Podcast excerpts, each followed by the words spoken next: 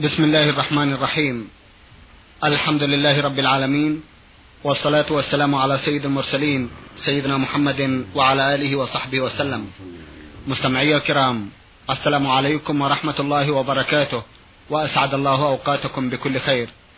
هذه حلقة جديدة مع رسائلكم في برنامج نور على الدرب. رسائلكم في هذه الحلقة نعرضها على سماحة الشيخ عبد العزيز بن عبد الله بن باز. الرئيس العام لإدارات البحوث العلمية والإفتاء والدعوة والإرشاد. باسمكم وباسمي نرحب بسماحة الشيخ وعلى بركة الله نبدأ لقاءنا فأهلا وسهلا بالشيخ عبد العزيز. حياكم الله وبارك فيكم. شيخ عبد العزيز أولى رسائل هذه الحلقة رسالة وصلت إلى البرنامج من منطقة الليث شركة الكهرباء وباعثها أخونا علي عيسى الزهراني. أخونا له سؤال مطول يقول فيه لقد حجت والدتي مع ولد أخيها وأمه وعندما بدأ في طواف القدوم ومع شدة الزحام تفرقوا وذهب الولد بعيدا وأصبحت والدتي ووالدته بدون محرم إلا أنهن أتممن بقية النسك مع أناس معروفين لدينا في القرية. إلا أنهم كما قلت ليسوا بمحارم. ولكن خوفا عليهن من الضياع ولكبر سنها ولكبر السن حيث يتجاوزن الخمسة والأربعين الخمسة والأربعين عاما. ولبعد مكاننا عن مكة عن مكة المكرمة وخوفهن من ضياع الوقت في البحث عن ذلك الولد أكملنا الحج. ولم يتقابلن مع الولد إلا بعد انتهاء الحج. فما حكم ما فعلن؟ وهل تأثر حجهن أو لا؟ نرجو توضيح ذلك ولكم الأجر والثواب. بسم الله الرحمن الرحيم. الحمد لله وصلى الله وسلم على رسول الله وعلى آله وأصحابه ومن اهتدى بهداه. أما بعد فإذا كان الواقع وما ذكره السائل فحجهن صحيح وليس من شرط الطواف أو السعي أو رمي الجمار أو الوقوف في عرفة أو في مزدلفة ليس من شرط ذلك المحرم. المحرم إنما هو شرط في السفر لا يسافرن إلا بمحرم. أما كونهن يؤدين الأنساك بدون محرم فلا يضرهن ذلك. فإذا وقفت المرأة في عرفات وليس معها محرمها أو في مزدلفة أو رمت الجمار أو طافت أو سعت وليس معها محرمها فلا حرج في ذلك. وحجهن صحيح ورميهن صحيح. ووقوفهن صحيح والحمد لله. الحمد لله. نعم. إذا سافرت لمسافة تزيد عن 150 كيلو مترا وأدركني وقت الظهر ولظرف ما أخرته إلى وقت العصر فهل يجوز لي الجمع والقصر في وقت العصر أو لا يصح ذلك؟ وإنما الجائز جمع فقط بدون قصر. أرجو توضيح ذلك ولكم الشكر. المسافر يجمع بين الظهر والعصر وبين المغرب والعشاء ويقصر الظهر والعصر والعشاء. هذا من سنة السفر أن يقصر يصلي الظهر اثنتين والعصر اثنتين والعشاء اثنتين أما المغرب فيصليها ثلاثا تماما والفجر كذلك اثنتين وله يجمع بين الظهر والعصر. ما دام في السفر فيصليهما في وقت الأولى وهي الظهر أو في وقت الثانية وهي العصر أو بينهما. وله يجمع بين المغرب والعشاء فيصليهما في وقت المغرب جمع تقديم.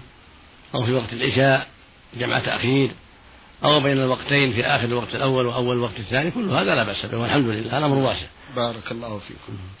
أخونا عبد الله عوض العازمي من عفيف بعث بخمسة أسئلة سماحة الشيخ. سؤاله الأول يقول ما حكم تجميع الصور الفوتوغرافية لذوات الأرواح للذكرى؟ لا يجوز جمع الصور ذوات الأرواح للذكرى. بل يجب إتلافها لأن الرسول عليه الصلاة والسلام قال لعلي رضي الله عنه لا تدع صورة إلا طمستها. ولما ثبت في حديث جابر عند الترمذي وغيره أن النبي صلى الله عليه وسلم نهى عن الصورة في البيت وأن يصنع ذلك فجميع الصور التي للذكرى تتلف بالتمزيق أو الإحراق وإنما يحتفظ يحتفظ بالصورة التي لها ضرورة كالتابعية الصورة التي في التابعية. نعم. وما أشبه ذلك مما يكون هناك ضرورة لحفظه وإلا فالواجب إتلافها. نعم. بارك الله فيكم. سؤاله الثاني يقول ما حكم مشاهدة التماثيل التي تعرض في الفيديو أو السينما أو ما في حكم ذلك؟ ولا سيما وهو معروف أن في تلك التمثيليات كثير من النساء المتبرجات. مشاهدة الصور في التلفاز أو في الأفلام الصور الخليعة. للنساء أو للرجال الذين لم يتستروا أو على فعل الفاحشة أو على فعل بعض المنكرات كل هذا لا يجوز. فلا يجوز للمسلم أن يشاهد صور النساء غير المتحجبات ولا شبه العاريات ولا صور الرجال الذين قد كشفوا أفخاذهم أو يلعبون بما حرم الله من القمار أو بالملاهي آلات الملاهي أو يتعاطون الغناء المحرم كل هذا يجب تركه والحذر منه لأنها منكرات مشاهدتها لا تجوز. ولأن مشاهدتها أيضا قد تجر إلى فعلها واستحسانها. فينبغي المؤمن أن يصون نفسه عن ذلك. وإنما يرى من التلفاز ما فيه مصلحة كمشاهدة ندوات علمية أو صناعية أو غير هذا مما ينفع المشاهد. أما كونه يشاهد أشياء محرمة فلا يجوز. بارك الله فيكم.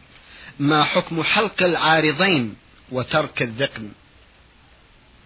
اللحية عند أئمة اللغة هي ما نبت على الخدين والذقن يقال لها لحية.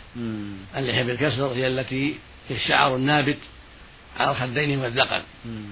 فلا يجوز للمسلم يأخذ شعر خديه ولكن يجب توفير ذلك مع الدقن توفير هذا مع هذا. هذه اللحية. واللحية وجه الإنسان. تقول العرب ظهر وجه فلان يعني ظهرت لحيته. فهي وجه الرجل المميز له عن النساء فلا يجوز له حلقها ولا قصها. لقول النبي صلى الله عليه وسلم قصوا الشوارب وعفوا اللحى خالف المشركين ولقوله عليه الصلاة والسلام قصوا الشوارب ووفروا اللحى. خالف المشركين رواه البخاري في الصحيح. وقال ابن عمر رضي الله تعالى عنهما إن الرسول عليه الصلاة والسلام أمرنا بإحفاء الشوارب وإرخاء اللحى متفق على صحته. وروى مسلم في الصحيح عن أبي هريرة رضي الله تعالى عنه عن النبي صلى الله عليه وسلم أنه قال جز الشوارب وأرخ وأرخ اللحى خالف المجوس. فيجب على المؤمن توفير اللحية وقص الشارب كما أمر بهذا نبينا وإمامنا محمد عليه الصلاة والسلام. اللهم صل عليه. وفي ذلك الخير العظيم. وفي ذلك إحياء السنة. وفي ذلك التأسي بالنبي صلى الله عليه وسلم وامتثال أمره. وفي ذلك البعد عن مشابهة النساء والكفرة. فالواجب على المؤمن أن لا يغتر بهؤلاء الحليقين وأن لا يتأسى بهم. وأن ينظر من الذي أمره. من هو الذي أمره أمره الرسول صلى الله عليه وسلم. الذي بعثه الله هادا مبشرا ونذيرا. الذي قال فيه جل وعلا وما آتاكم الرسول فخذوه وما نهاكم عنه فانتهوا. وقال فيه سبحانه فليحذر الذين يخالفون عن أمره أن تصيبهم فتنة أو يصيبهم عذاب أليم. وقال فيه عز وجل ومن يطع الله ورسوله يدخله جنات تجري من تحتها أنهار. خالدين فيها وذلك الفوز العظيم. ومن يعص الله ورسوله ويتعدى حدوده يدخله نارا خالدا فيها وله عذاب مهين. في آيات كثيرات. نعم. بارك الله فيكم. أخونا يقول ما حكم إطالة الإزار من غير كبر ولا مخيلة؟ يجب على المؤمن أن يتأدب بالآداب الشرعية. أيوة. وأن تكون ملابسه إلى الكعب فقط. لقول المصطفى عليه الصلاة والسلام ما أسفل من الكعبين من الإزار فهو في النار. رواه البخاري في الصحيح. ولم يقل إذا كان متكبرا أو إذا كان الخيلاء بل أطلق وعمم. وقال عليه الصلاة والسلام فيما رواه مسلم في الصحيح من حديث أبي ذر رضي الله عنه قال قال رسول الله صلى الله عليه وسلم ثلاثة لا يكلمهم الله. ولا ينظر إليهم يوم القيامة ولا يزكيهم ولهم عذاب أليم. المسبل إزارة والمنان فيما أعطى والمنفق سلعته بالحلف الكاذب. ولم يقل إذا كان متكبرا فقال المسبل إزارة. والقميص والبشت من جنس الإزار وهكذا السراويل. يجب أن تكون كلها فوق الكعب لا تنزل عن الكعب. وإذا كان إسبالها عن كبر صار الإثم أعظم. صار الإثم أعظم لقوله صلى الله عليه وسلم من جر ثوبه خيلاء لم ينظر الله إليه يوم القيامة. وهذا لا يقيد بقية النصوص بل بقية النصوص على حالها ومن قيدها فقد غلط. هذا له شان وهذا له شان. فإذا فعلها كبرا وخيلاء صار إثمه أكبر. وإذا فعلها عن تساهل صار إثمه أسهل ولكنه قد فعل محرما. ثم إرخاء الملابس وسيلة للكبر والغالب أن من أرخاها وتعمد ذلك الغالب عليه التكبر والخيلاء والتعارض. ثم هذا الإرخاء وسيلة إلى إفساد الألبسة. هو بالأوساخ وتعريضها للنجاسات. ثم هو أيضا نوع من من الإسراف. لا وجه له ولا داعي له. فالواجب رفعها والحذر من إرخائها تحت الكعب وقد جاء في حديث جابر بن سليم عند عند أهل السنن يقول صلى الله عليه وسلم إياك والإسبال فإنه من النخيلة. فجعل الإسبال كله من النخيلة. قصد أو لم يقصد؟ جعل الإسبال كله من النخيلة لأنه إن لم يقصد فهو وسيلة إلى القصد.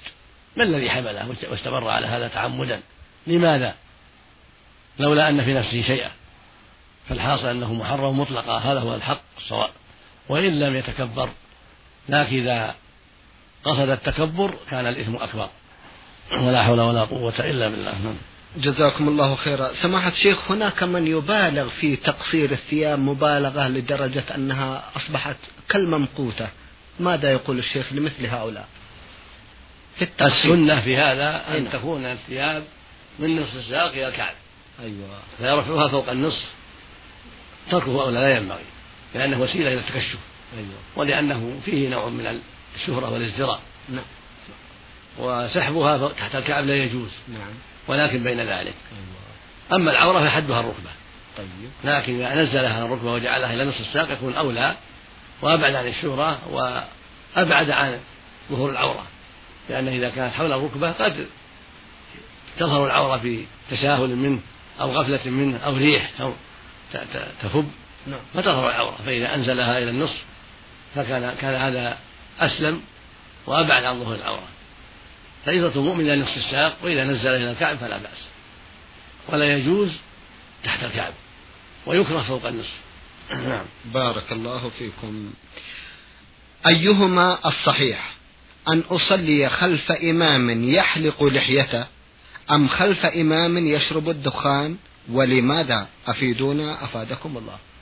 إذا تيسر لك لا تصلي خلف هذا ولا خلف هذا فهو أولى. لا تصلي خلف المدخن ولا خلف الحليق إذا تيسر لك إمام آخر في مسجد آخر. لأن هذا أسلم لصلاتك وأسلم لدينك. ولكن الحليق إثمه أظهر لأنها معصية ظاهرة. والمدخن قد قد قد تختفي معصيته. قد يكون هناك أسباب تخفيها من من التنظف والتطيب. نعم. حتى لا يظهر ريح الدخان. نعم. أما اللحية فهي معصية ظاهرة ومجاهرة بما حرم الله عز وجل فإثمه أكثر وأكبر وشره أعظم. وإن كان كلاهما محرما هذا وهذا. التدخين محرم وفيه مضار كثيرة ولكن صاحبه قد يكتفي به. أما حلق اللحية فلا حيلة في الاختفاء فيها لأنها معصية ظاهرة وتشبه بالمشركين وبالنساء فيجب الحذر من هذا ومن هذا جميعا. والواجب على المسؤولين عن المساجد نعم. ألا يولوا من كان بهذه الصفة وأن يختاروا للإمامة أهل الاستقامة الذين لا يتظاهرون بالمعصية وذلك بإعفاء اللحية وبالبعد عن التدخين وهكذا غير هذا من المعاصي الظاهرة نعم. نسأل الله للجميع الهداية والتوفيق. اللهم آمين. الواقع الإمام الشيخ عبد العزيز كثيرا ما تنصحون بأن يكون الإمام على ما هو كذا وكذا من الصفات وكثير من إخواننا أصبحوا يشتكون من هذا الموضوع. فيقولون أصبح يؤمنا أناس كانوا معروفين بأنهم من القبوريين وآخرون يشكون من أئمة يعرفون أنهم من فرقة كذا وكذا من تلك الفرق التي اختلفت في الأسماء والصفات كالأشاعرة مثلا. وهلم جرا يشرحون كثيرا من هذه الأمور. كلمة حول هذا لو تكرمتم سماحة الشيخ. الواجب على وزارة الحج والأوقاف والمسؤولين فيها أن يخافوا الله عز وجل وأن يحذروا التساهل في هذا الأمر وأن يبذلوا قصارى جهدهم في اختيار الأئمة وأن لا يولى إلا المعروف بالعقيدة الصحيحة السلفية وأن لا يولى إلا من هو بالمظهر الشرعي. قد عفى لحيته وترك الإسبال حتى يكونوا أبرأوا الذمة. هذا هو الواجب عليهم. طيب طيب. يعني يجب على ولاة الأمور ومنهم وزارة الحج والأوقاف ومسؤولون فيها الواجب عليهم أن يتحروا في الأئمة. وهكذا المؤذنون. ولكن الإمام أعظم فيجب عليهم يتحروا في أن لا يولوا إلا من هو صالح للإمامة. في عقيدته وفي مظهره الشرعي. والعقيدة أهم وأعظم. فالواجب على المسؤولين في الأوقاف أن يعنوا بهذا الأمر وأن يتقوا الله وأن يتعاونوا مع المحاكم ومع رئاسة العامة للبحوث العلمية والإفتاء ومع الهيئة ومع كل من يظنون فيه الخير أن يختار لهم الإمام وأن يعينهم وأن يدلهم ويرشدهم على الأئمة. والواجب على أهل العلم أن يستجيبوا. الواجب على أهل العلم من المدرسين والقضاة أن يستجيبوا للإمامة حتى يسدوا هذا الفراغ العظيم الذي أحوج الأوقاف إلى أن تستورد من لا يرضى في دينه ولا في خلقه. الواجب على القضاة وعلى العلماء أن يشاركوا في الإمامة وأن يحتسبوا الأجر وأن يصبروا حتى يسدوا فراغا عظيما في هذه المسألة. وهنا عزم من الدولة بإيجاد معاهد الأئمة والخطباء. وهذا متى تحقق إن شاء الله. سد هذه الثغرة وسد هذا الفراغ وتمت الموافقة على افتتاح معهد الأئمة والخطباء في الرياض. ما شاء الله. ونرجو أن يفتتح مثله في المدينة ومكة. وهكذا في المدن الأخرى كالقصيم والحايل وأبها ونحو ذلك حتى يسد هذا الفراغ. الضرورة داعية إلى هذا الأمر. ولا شك. فنسأل الله أن يوفق الدولة للبدار بهذا الأمر. وهذا المعهد سيكون من طريق جامعة الإمام محمد بن سعود. وهي أهل لهذا الأمر. إن شاء الله. فنسأل الله أن يسهل افتتاحه في هذا العام. وقد تمت الإلقاءات فيما بلغني. ولم يبقى إلا شيء يسير. نرجو يتم في هذه الأيام حتى يفتح إن شاء الله هذه الأيام. ثم يفتح بعده إن شاء الله معاهد أخرى في مكة المكرمة والمدينة المنورة وغيرهما من المدن التي ينبغي أن تفتح فيها يفتح فيها هذا المعهد والحاجة ماسة بل الضرورة ماسة إلى هذا الأمر. ولا يعفي هذا لا يعفي الأئمة لا يعفي العلماء من المدرسين وغيرهم ولا يعفي القضاة من الاستجابة. بل عليه فيما أعتقد يستجيبوا وأن يؤموا في المساجد المحتاجة وأن يحتسبوا الأجر حتى يوجد من يقوم مقامهم ويسد عنهم هذا الفراغ نسأل الله للجميع التوفيق والهداية. اللهم آمين. الواقع هذه بشارة سماحة الشيخ وإذا تكرمتم آه، أرجو من سماحة الشيخ المتابعة أيضا حول هذا الموضوع. لعل الله سبحانه وتعالى يحقق على أيديكم هذا الأمل الكبير الذي ينتظره المسلمون. إن شاء الله. أنا متابع لهذا ونسأل الله أن يحقق ذلك في هذا العام. وفيما بعده. نعم. اللهم آمين. جزاكم الله خيرا. الرسالة التالية باعثها أخ من الدمام. يقول قاف عين ميم. شاءت مشيئة الله تعالى أن أتعرض لحادثة بسيارتي. راح ضحيتها اثنان من الركاب الذين الذين كانوا معي بالسيارة. واتضح أن السيارة التي داهمتنا هي التي وقع منها الخطأ. سؤالي هل علي كفارة من صيام أو صدقة؟ لأن المتوفين كانوا معي بالسيارة علما بأنني كما ذكرت لم يكن الحادث نتيجة خطأ مني وكل ذنبي أن المتوفيين كانوا معي بالسيارة. فإذا كانت علي صدقة أرجو التكرم بتوضيحها من حيث مقدارها وكيفيتها لأنني أحس بتأنيب الضمير. وأريد منكم الإجابة حتى أكون على بينة من الأمر ولسماحتكم الشكر بعد الله سبحانه وتعالى وجزاكم الله خير الجزاء عن أمة الإسلام. أولا قول السائل شاءت مشيئة الله ليس بسديد والصواب أن يقال شاء الله سبحانه. بعض الناس يقول شاءت أقدار الأقدار شاءت شاء القدر شاءت إرادة الله. كل هذا التعبير ليس بجيد. والواجب أن تنسب الأمور في مثل هذا إلى الله إلى الله سبحانه. فيقال شاء الله جل وعلا أو اقتضت حكمة الله جل وعلا كذا وكذا أو قدر الله علي كذا وكذا. أما ما يتعلق بسؤالك فإنه لا شيء عليك ما دام الخطأ من غيرك وأنت مظلوم فالكفارة والدية على الذي أخطأ عليك. ما دمت لازمت الطريق المعروف النظامي ولم تسرع وإنما أخطأ عليك من صدمك فالإثم عليه والكفارة عليه والدية عليه. أما أنت فليس عليك شيء إذا كنت إذا كان الأمر كما قلت. والله ولي التوفيق. جزاكم الله خيرا. تقرير المرور سماحة الشيخ هل يعتبر في مثل هذه المواضيع؟ يعتبر نعم لأنهم مسؤولون وليس هناك طريق آخر. أيوة. فهم الذين يعتمد عليهم في هذا. نعم. بارك الله فيكم. أخونا السائل نبيل عبد العزيز علي يحيى لطف يسأل ويقول عندنا في قرية حصن ريمان الناس يذهبون إلى جبل ويأخذون معهم ذبيحة ويذبحونها في الجبل من أجل من أجل الله سبحانه وتعالى. ولعل الله يرحمهم وينزل عليهم المطر. فهل هذا يحل أم لا؟ أفيدونا أفادكم الله. وله سؤال آخر بعد تفضلكم بالإجابة نعرضه إن شاء الله. هذا العمل فيه التفصيل فإذا كان الذبح لله وحده وليس هناك مقصود آخر ليس هناك قبر يذبحون عنده وليس هناك اعتقاد آخر في الجبل وإنما فعلوه كذا صدفة من غير قصد فلا حرج والذبيحة لله وحده ولكن لا حاجة إلى مجيء الجبل لأن هذا يوهم أن هناك أشياء يذبحونها في في بيوتهم أو في أي مكان تذبح فيه الدواب ويكفي لله سبحانه تقربا إلى الله جل وعلا ثم يوزع هذا اللحم على الفقراء والمساكين أو يأكلون إن كانوا أرادوا الأكلة أو إن كانوا إن كانوا أرادوا الفقراء قسموا بين الفقراء أو أعطوا الفقراء منه ما شاءوا. المقصود أن قصدهم الجبل فيه شيء من الإيهام. فإذا كان المقصود من مجيء الجبل إظهار الذبيحة وأنها تذبح لله على رؤوس الأشهاد فلا حاجة إلى قصد الجبل. يذبحونها في مكان بارز ويقسمونها بين الفقراء في قريتهم ويكفي. ولا يقصد الجبل هذا الذي يوهم أنهم أرادوا شيئا. أما إن كانوا أرادوا في الجبل أن هناك ميتا مدفونا هناك أو أن هناك محل لرجال صالحين جلسوا فيه أو غار جلس فيه أناس صالحون فهم يتبركون به هذا لا يجوز. فيجب التنبه لهذا.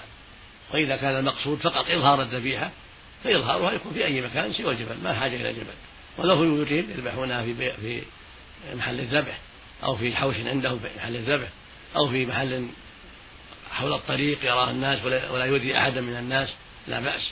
المقصود إظهارها بأي طريق لكن لا يوهم لا يكون إظهارا يوهم أن هناك قصدا كقصد جبل معين أو شجرة معينة حتى لا يتهموا بالشرك أو ببدعة. ولا حول ولا قوة إلا بالله. نعم. بارك الله فيكم. آه، سماحة الشيخ يحكي لنا الآباء عن آه، شيء مثل هذا في منطقتنا قبل أن تنتشر الدعوة من جديد بعد حكم آل سعود. يقولون كانوا يأخذون الأبقار ويلفون بها حول الجبال وحول الأودية وبعد ذلك يذبحون واحدة منها وهم بذلك يريدون الاستسقاء. فلعل هذا شبيه بذات سماحة مو بعيد ليس هذا بعيد وهذا غلط. لا أصل له. أيوة. بل هذا من البدع. المقصود التقرب إلى الله بصلاة الاستسقاء والدعاء. يستغيثون الله ويصلون الصلاة الشرعية. وإذا ذبحوا ذبايح وتصدقوا بها أو صاموا أو صدقوا بنقود أو بأطعمة من الحبوب أو من التمور كل هذا طيب. أيوة. لكن لا يقصدوا مكانا يوهم أنهم يتعبدون فيه لأنه قد سكنه رجل صالح أو أقام به رجل صالح أو دفن فيه رجل فلا لا يوهمون هذه الأشياء ولا يقصدون هذه الأشياء. أما كون يدرون بها في الوادي أو في الجبال هذا لا أصل له من بدعة ولا حاجة إلى هذا. المقصود التقرب إلى الله. في أي مكان ذبحوها كفى بقرة أو ناقة أو غنم كل هذا طيب إذا قصدوا به الصدقة والتقرب إلى الله رجاء يرحمهم الله كما رحموا الفقراء وأحسنوا فيهم فالصدقة في وقت الاستسقاء مطلوبة. الصدقة أيام الاستسقاء مطلوبة. لأن الله جل وعلا يرحم عباده الرحماء. والنبي يقول صلى الله عليه وسلم إنما يرحم الله عباده الرحماء. من لا يرحم لا يرحم. نعم. فإذا تصدقوا على الفقراء بالنقود أو بالذبايح أو بالملابس أو بالأطعمة وقت الحاجة وقت الجلب هذا من أسباب الرحمة. من أسباب رحمة الله له لما رحموا عباده. نعم. بارك الله فيكم. أخونا يسأل سؤال في نهاية رسالته ويقول كم هي شروط الإسلام؟ شروط الإسلام شرطان. الشرط الأول الإخلاص لله وأن تكون قصد بإسلامك ودخولك في دين الله وأعمالك وجه الله عز وجل. هذا لا بد منه. كل عمل تعمله وليس لوجه الله سواء كان صلاة أو صدقة أو صيام أو غير هذا ما يكون نافعا ولا مقبولا. حتى الشهادتين لو فعلتهما رياء أو نفاقا ما تقبل ما تنفعك. تكون من المنافقين. فلا بد أن يكون قولك أشهد أن لا إله إلا الله وأشهد أن محمدا رسول صدقا من قلبه. تؤمن بالله وحده وأنه المعبود بالحق وأن محمدا رسول الله صادق وأنه رسول الله حقا وأنه خاتم الأنبياء. فإذا كان صدقا إخلاصا نفعك ذلك. وهكذا في صلاتك تعبد الله بها وحده. هكذا صدقاتك هكذا قراءتك تهليلك صومك حجك يكون لله وحده. الشرط الثاني الموافقة للشريعة. لا بد تكون أعمالك موافقة للشريعة. مو من رأيك ولا من اجتهادك. لا بد تحرى موافقة الشريعة. تصلي كما شرع الله تصوم كما شرع الله تزكي كما شرع الله تجاهد كما شرع الله تحج كما شرع الله هكذا. يقول النبي صلى الله عليه وسلم من عمل عملا ليس عليه أمرنا فهو رد. والله يقول في كتابه العظيم أم لهم شركاء شرعوا لهم من الدين ما لم يأذن به الله يعيبهم بهذا. ويقول سبحانه ثم جعلناك على شريعة من الأمر فاتبعها ولا تتبع أهواء الذين يعلمون إنهم لا يغنونك من الله شيئا. فالواجب اتباع الشريعة التي شرعها الله على يد رسوله محمد صلى الله عليه وسلم وعدم الخروج عنها في جميع عبادات التي تقرب بها إلى الله سبحانه وتعالى. هذه شروط الإسلام. شرطان. الأول الاخلاص لله في العمل والثاني الموافقة للشريعة. هذا هو الذي به تنتفع بعباداتك ويقبل الله منك عباداتك إذا كنت مسلما. نعم. بارك الله فيكم. سماحة الشيخ في ختام هذا اللقاء أتوجه لكم بالشكر الجزيل بعد الله سبحانه وتعالى على تفضلكم بإجابة السادة المستمعين وآمل أن يتجدد اللقاء وأنتم على خير وعافية. آمين نرجو ذلك الحمد لله. مستمعي الكرام كان لقاؤنا في هذه الحلقة مع سماحة الشيخ عبد العزيز بن عبد الله بن باز الرئيس العام لإدارات البحوث العلمية والإفتاء والدعوة والإرشاد.